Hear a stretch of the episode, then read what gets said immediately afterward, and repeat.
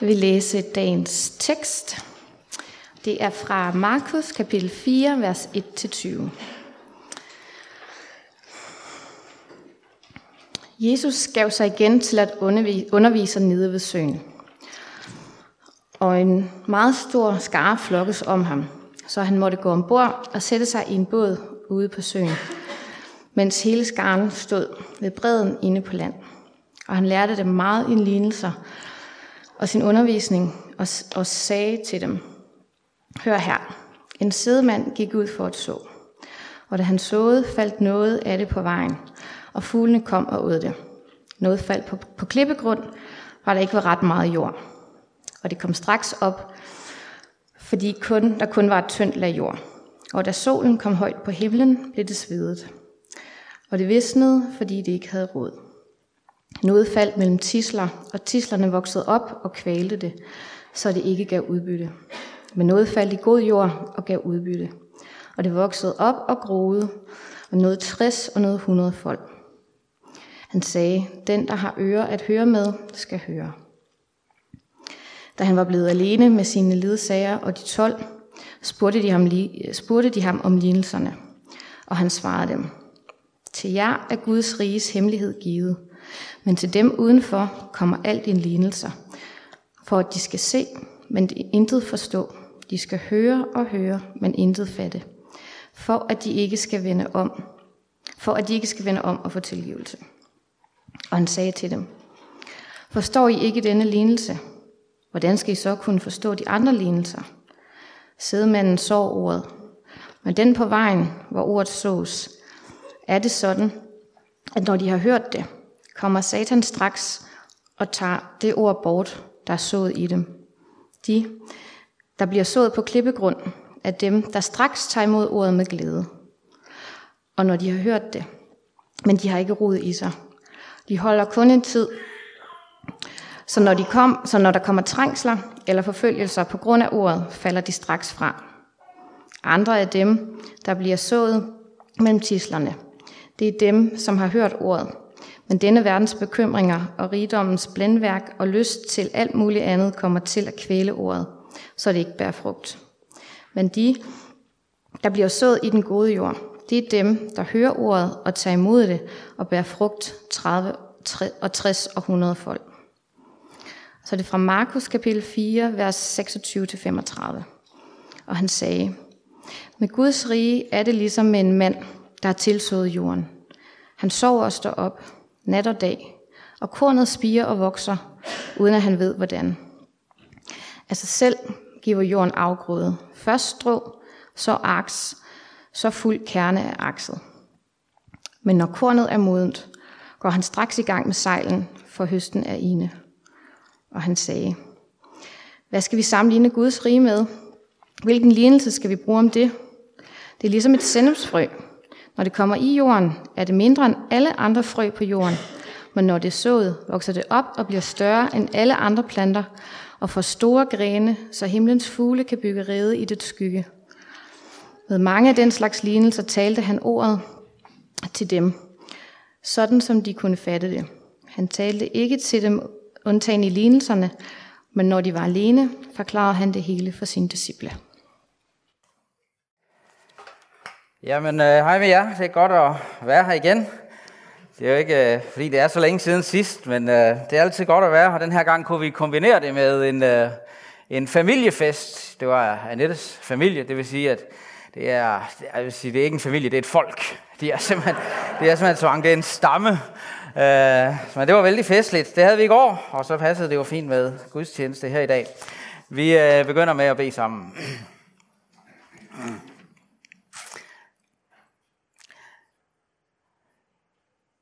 Kære Jesus, tak fordi du er her, og nu beder vi dig om, at ja, du vil tale til os gennem dit ord, og jeg beder om, at du vil, øh, at du vil gøre vores hjerter til, til god jord for dit ord. Så det må blive plantet dybt i os og bære frugt. Amen. Ja, øh, overskriften for, øh, for den her prædiken har jeg kaldt Guds rige såtid. Og øh, jeg vil sige, at den første del af, af prædiken her, det kan godt være, det, det, øh, I tænker, hvor vand vil han hen med det? Det er godt, at det plejer I måske at tænke. Men, men, men øh, det kan være, at det bliver endnu værre i dag. Men der, jeg tror, I, I skal nok se, hvor vil han hen med det? Det kommer. Fordi teksten her i Markus evangeliet kapitel 4, som vi lige har fået læst, den indeholder en, en række lignelser, som på forskellige måder illustrerer det, Jesus i vers 11 kalder for Guds riges hemmelighed.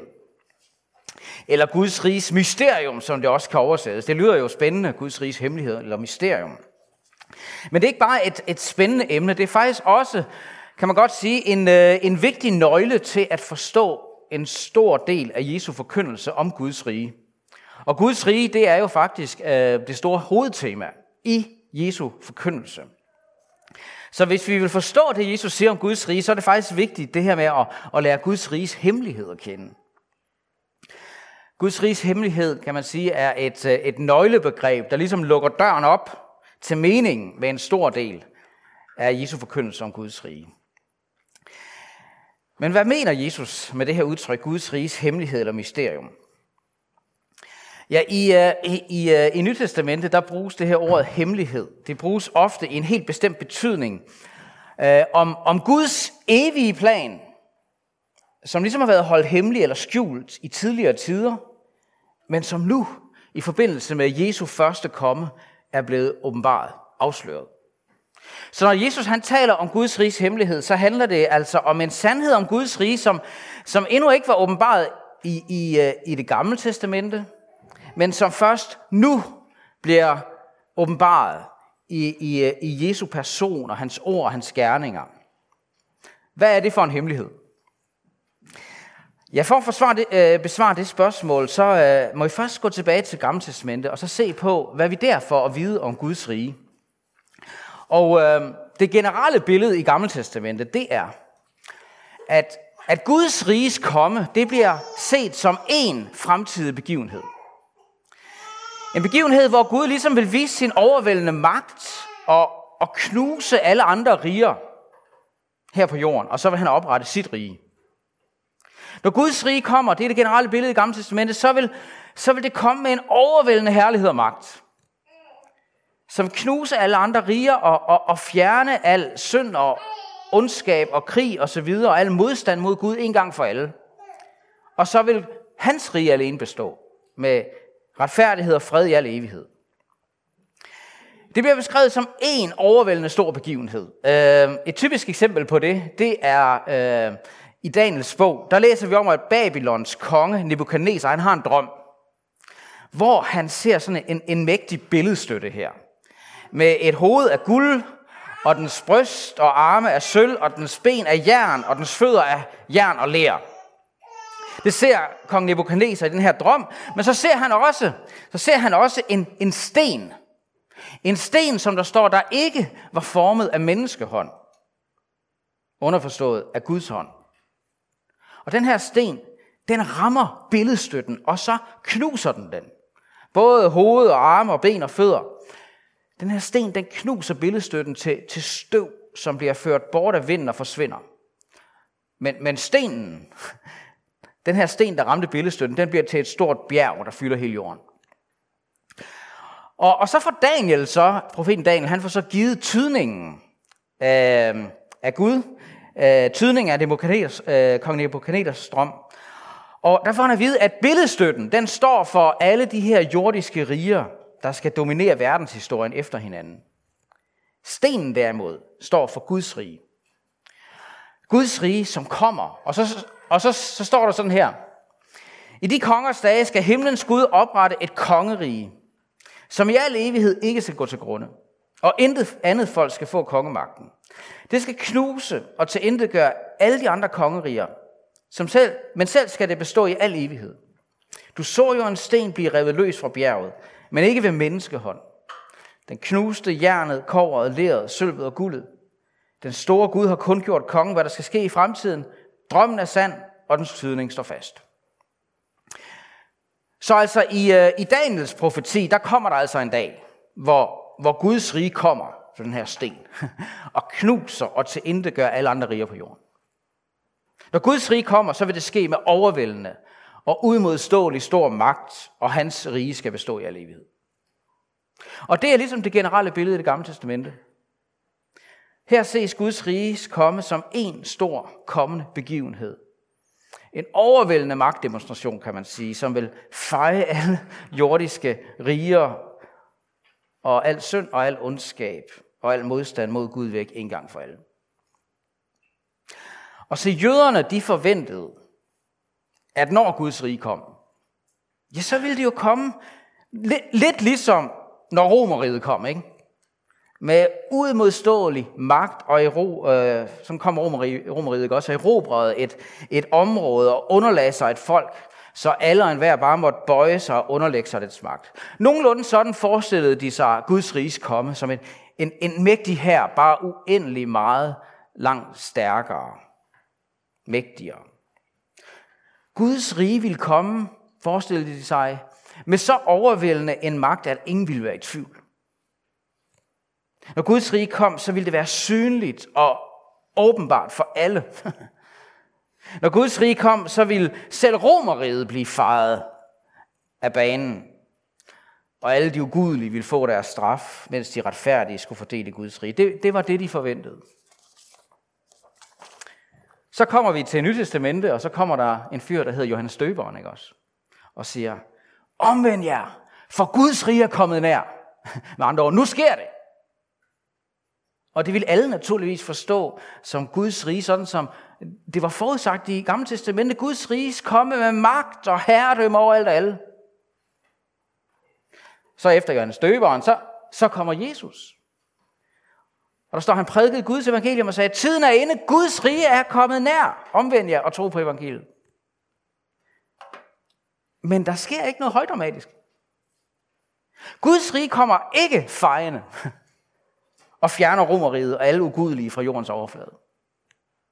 I stedet, i stedet så læser vi om, at Jesus han går ud over alt og forkynder evangeliet, forkynder ordet.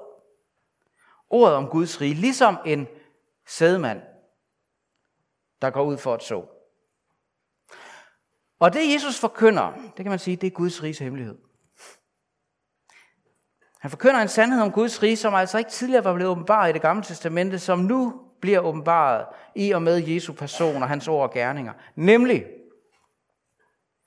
at det Guds rige, som en dag vil komme synligt med magt og herlighed og udmodståeligt, det er allerede kommet ind i verden på forhånd, så at sige. Men ikke som forventet.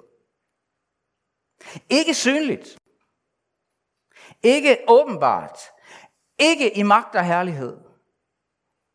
Men usynligt, stille, skjult. Ikke som en her, der knuser al modstand, men som et sædekorn, der sås. Som et, et ord, et budskab, et budskab, der høres, og som kun kan modtages ved at høre det i tro. Guds rige er allerede kommet nær, siger Jesus. Men ikke som en overvældende magt, som alle tvinges til at bøje sig for, men som et budskab, der høres. Og som faktisk kan og vil blive afvist og forkastet af nogle, som hører det. Men som også vil blive modtaget og troet og bære frugt i andre, som hører det.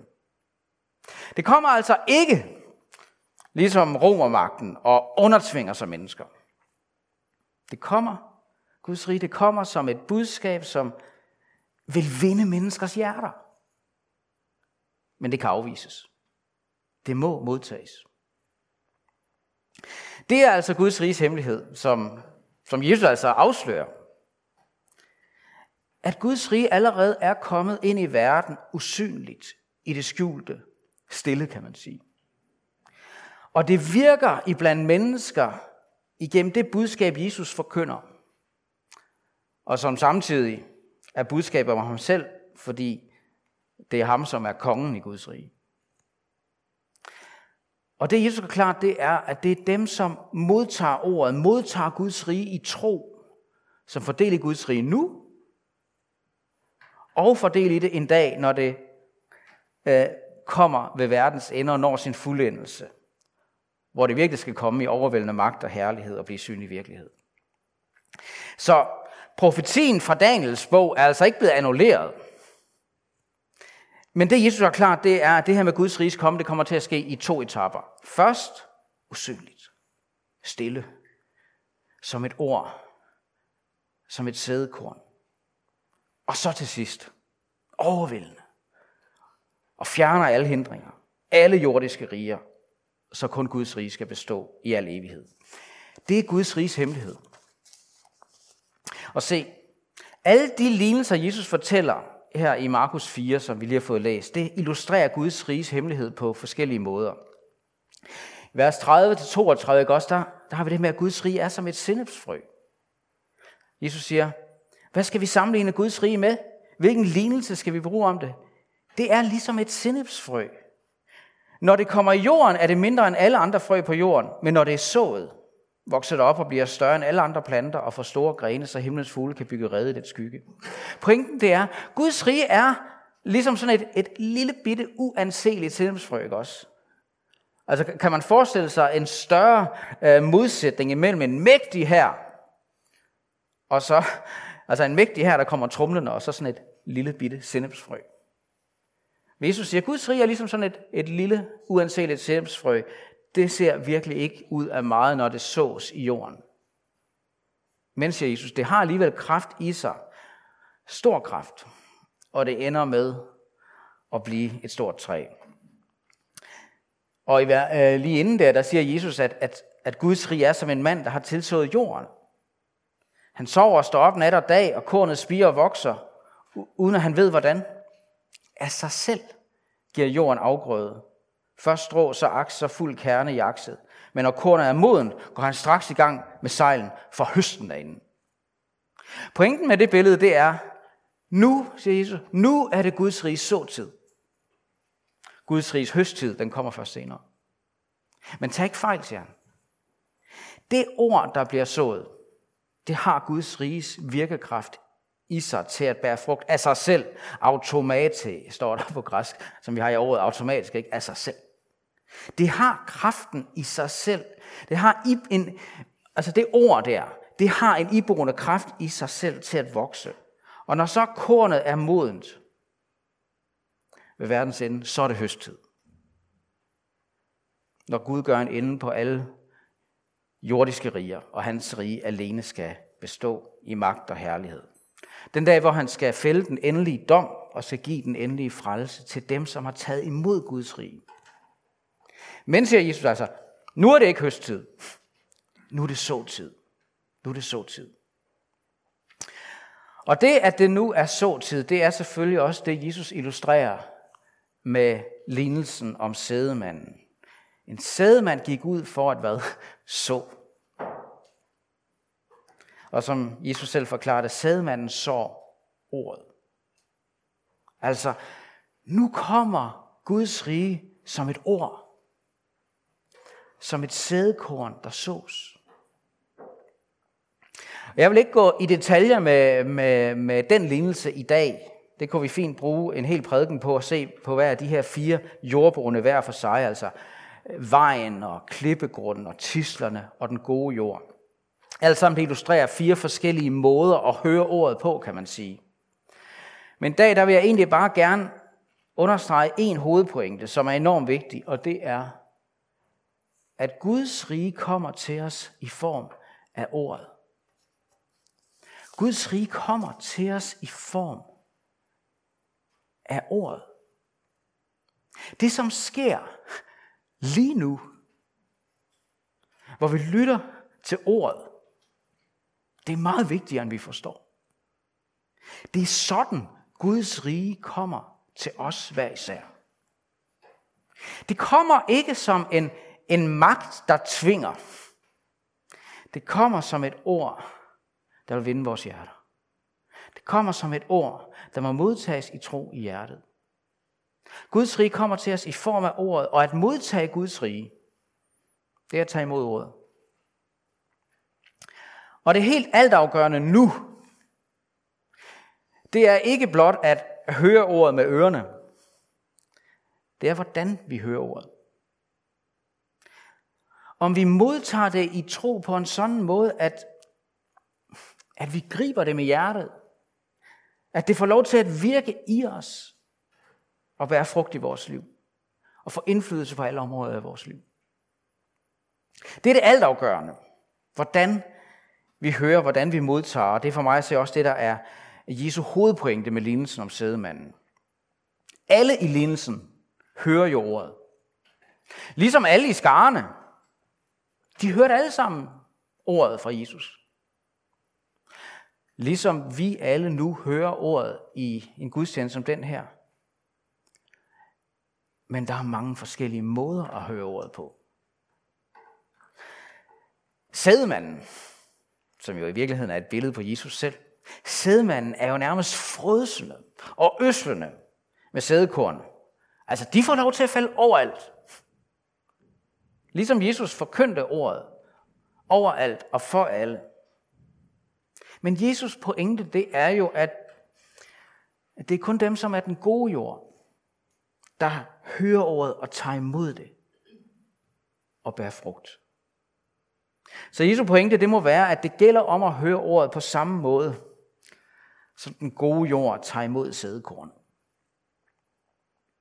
Og jeg vil egentlig gerne bare stille spørgsmålet i dag. Hvordan hører du ordet? Jeg kan faktisk ikke forestille mig et, et, et, et vigtigere spørgsmål. Og, og jeg taler ikke her, jeg ikke, de, de er der nogle gange har svært ved at koncentrere, når der er kedelige prædikanter. Det, I skal ikke have dårlig samvittighed over, det kan være svært at koncentrere, så det er ikke det, jeg mener. Jeg taler om, griber du indholdet? Det vil jeg egentlig gerne bare ligesom dvæle lidt mere med. Hvordan hører du ordet? Lad, lad, lad det ligesom være det, det handler om i dag. Og hvor enormt vigtigt det er. Det her med, hvordan vi hører ordet, om det får lov til at virke i os. Øh, det er egentlig et ret rensagende spørgsmål for mig selv, øh, som, øhm, som en præst, der, der, der, der så at sige altså, lever af arbejder med at tale ordet og give ordet videre. Ikke også? Der er det egentlig blevet sådan rensagende for mig selv og, og ligesom sige til mig selv, Peter, det altafgørende, det er ikke det ord, du taler og giver. Det er det ord, du, du hører og modtager. Det er det, der er det afgørende, vigtige i mit liv. Det, det er ikke, hvordan jeg taler og formidler ordet til andre. Det er, hvordan jeg selv hører ordet og modtager det. Fordi Guds rige kommer til os i ordets form. Hvordan hører du ordet? Guds rige kommer til os i ordets form. Og det gør det dybest set, uanset om du er en kristen eller ikke er en kristen endnu.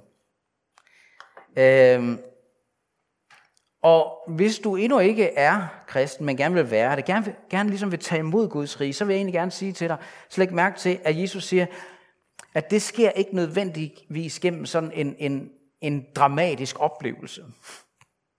Det gælder ganske enkelt om at høre ordet i tro. At tage imod det i tro, og lade det få lov til at virke i dit hjerte og i dit liv, og lade det få indflydelse på alle områder i dit liv. Det er det, der er det altafgørende. Og øh, vi er alle sammen i samme båd her. Fordi det, som er altafgørende i mit liv, som, som en, der har været kristen i mange år, det er stadig, det er stadig, hvordan jeg hører og modtager det ord, jeg lytter til. Jeg vil gerne bare lige pege på to steder fra Nytestamentet, der meget stærkt understreger det her med ordets kraft, men også nødvendigheden af, at at vi bliver ved med at tage imod ordet. Det er ikke sådan en engangsbegivenhed, det her. Det er også det, der er en del af pointen i lignelsen som sædemanden. Men en af pointerne, det er jo, at, at der er jo nogen, der tager imod ordet, men de holder kun ved en tid. Det er kun dem, der er den gode jord, der tager imod ordet, og, og så at sige bliver ved med at gøre det på en sådan måde, at det får lov til at bære frugt i deres liv. Og der er mange steder i Bibelen, der taler om det her med ordets betydning, både for det med at blive kristen, og også at, at blive bevaret og, og, og vokse og leve som kristen. Bare lige to steder skal vi se på. Apostlen Peter, Jesu disciple Peter, han skriver sådan et af sine breve. Han siger sådan til, til de, de kristne der.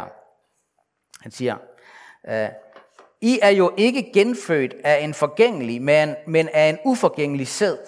Guds levende og blivende ord det er dette ord, som er forkyndt for jer. Derfor skal I aflægge al ondskab og al svig og hyggeleri og misundelse og enhver bagtagelse, og som nyfødte børn hige efter ordets rene mælk, for at I ved den kan vokse op til frelse, sandt, om jeg smagt, at Herren er god. Uh, prøv at lægge mærke til, at Peter både taler her om sæd og mælk. Og jeg ved godt, altså i biologien, der er der forskel på sæd og mælk. Sådan er det ikke i teologien. I teologien, der er sæden og mælken faktisk det samme. Det er Guds ord. Det er Guds levende og blivende ord. Guds ord er, er den sæd, hvorved vi bliver genfødt eller genundfanget, som der er også nogen, der foreslår at oversætte det her. Det er den, Guds ord er den sæd, hvorved vi bliver genfødt eller genundfanget ind i Guds rige. Vi fødes ikke ind i Guds rige, vi, vi skal genfødes ind i Guds rige ved Guds ord.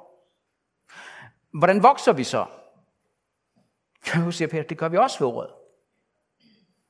Ligesom et nyfødt barn får livsnæring ved, ved mælken i sin mors bryst.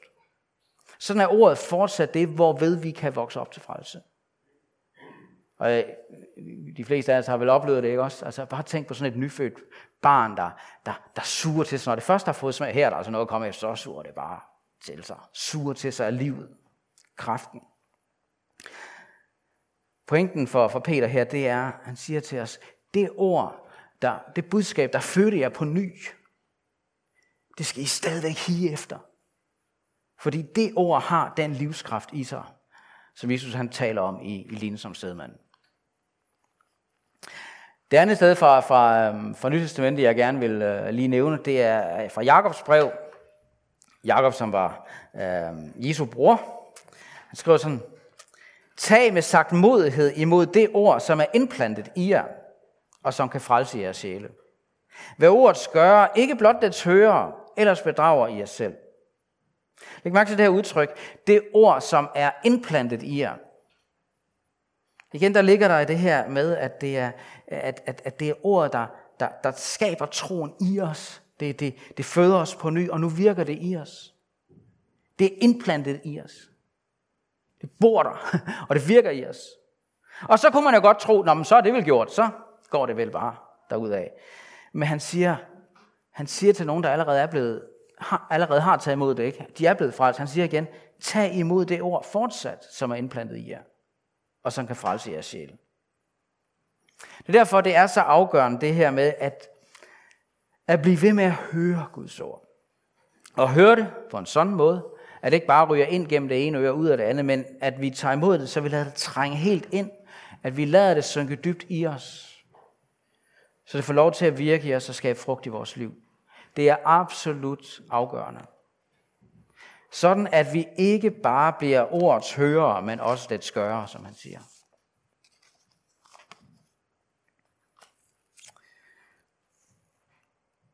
Jeg tror, jeg springer den over, ellers bliver det for langt. Altså, Guds riges hemmelighed, det er, at det kommer til os i ordet. Som et sædekorn. Og den vigtigste, den vigtigste egenskab, den vigtigste evne, så at sige, i Guds rige, det er evnen til at tage ordet til sig. At tilegne sig det. Dybt i hjertet, så ordet det kan virke og skabe frugt i os. Og det gælder uanset om du sidder her og er lige ved at blive en kristen, og er lige ved at komme ind i Guds rige, så er det altafgørende, så er den vigtigste evne, det er at høre med hjertet. Og det gælder også, om du har været kristen, allerede har været det i et kort stykke tid eller i mange år. Den vigtigste ting overhovedet, det er ikke, hvad du kan sige, eller hvad du kan gøre. Det er, hvordan du hører. Det er det allervigtigste. For vi hører os til frelse. Vi, vi hører os også til vækst i det kristne liv. Vi hører os i sidste ende til en evighed sammen med Gud i hans fuldkommende rige. Og så det sidst.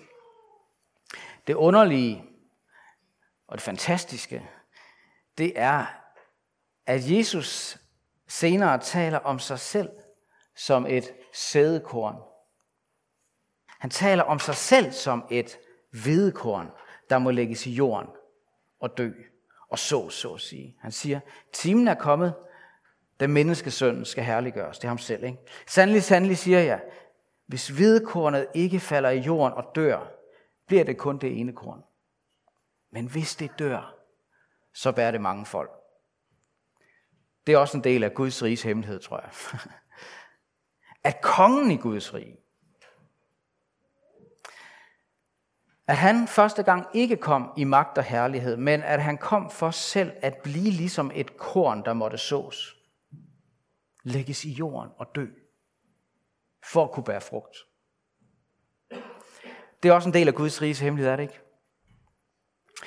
Hvor usandsynligt er det egentlig ikke at forestille sig, at Guds rige, at Guds riges magt og herredømme, at det ville blive virkelig gjort gennem en mand, der giver sit liv på et kors og bliver lagt i graven, i jorden.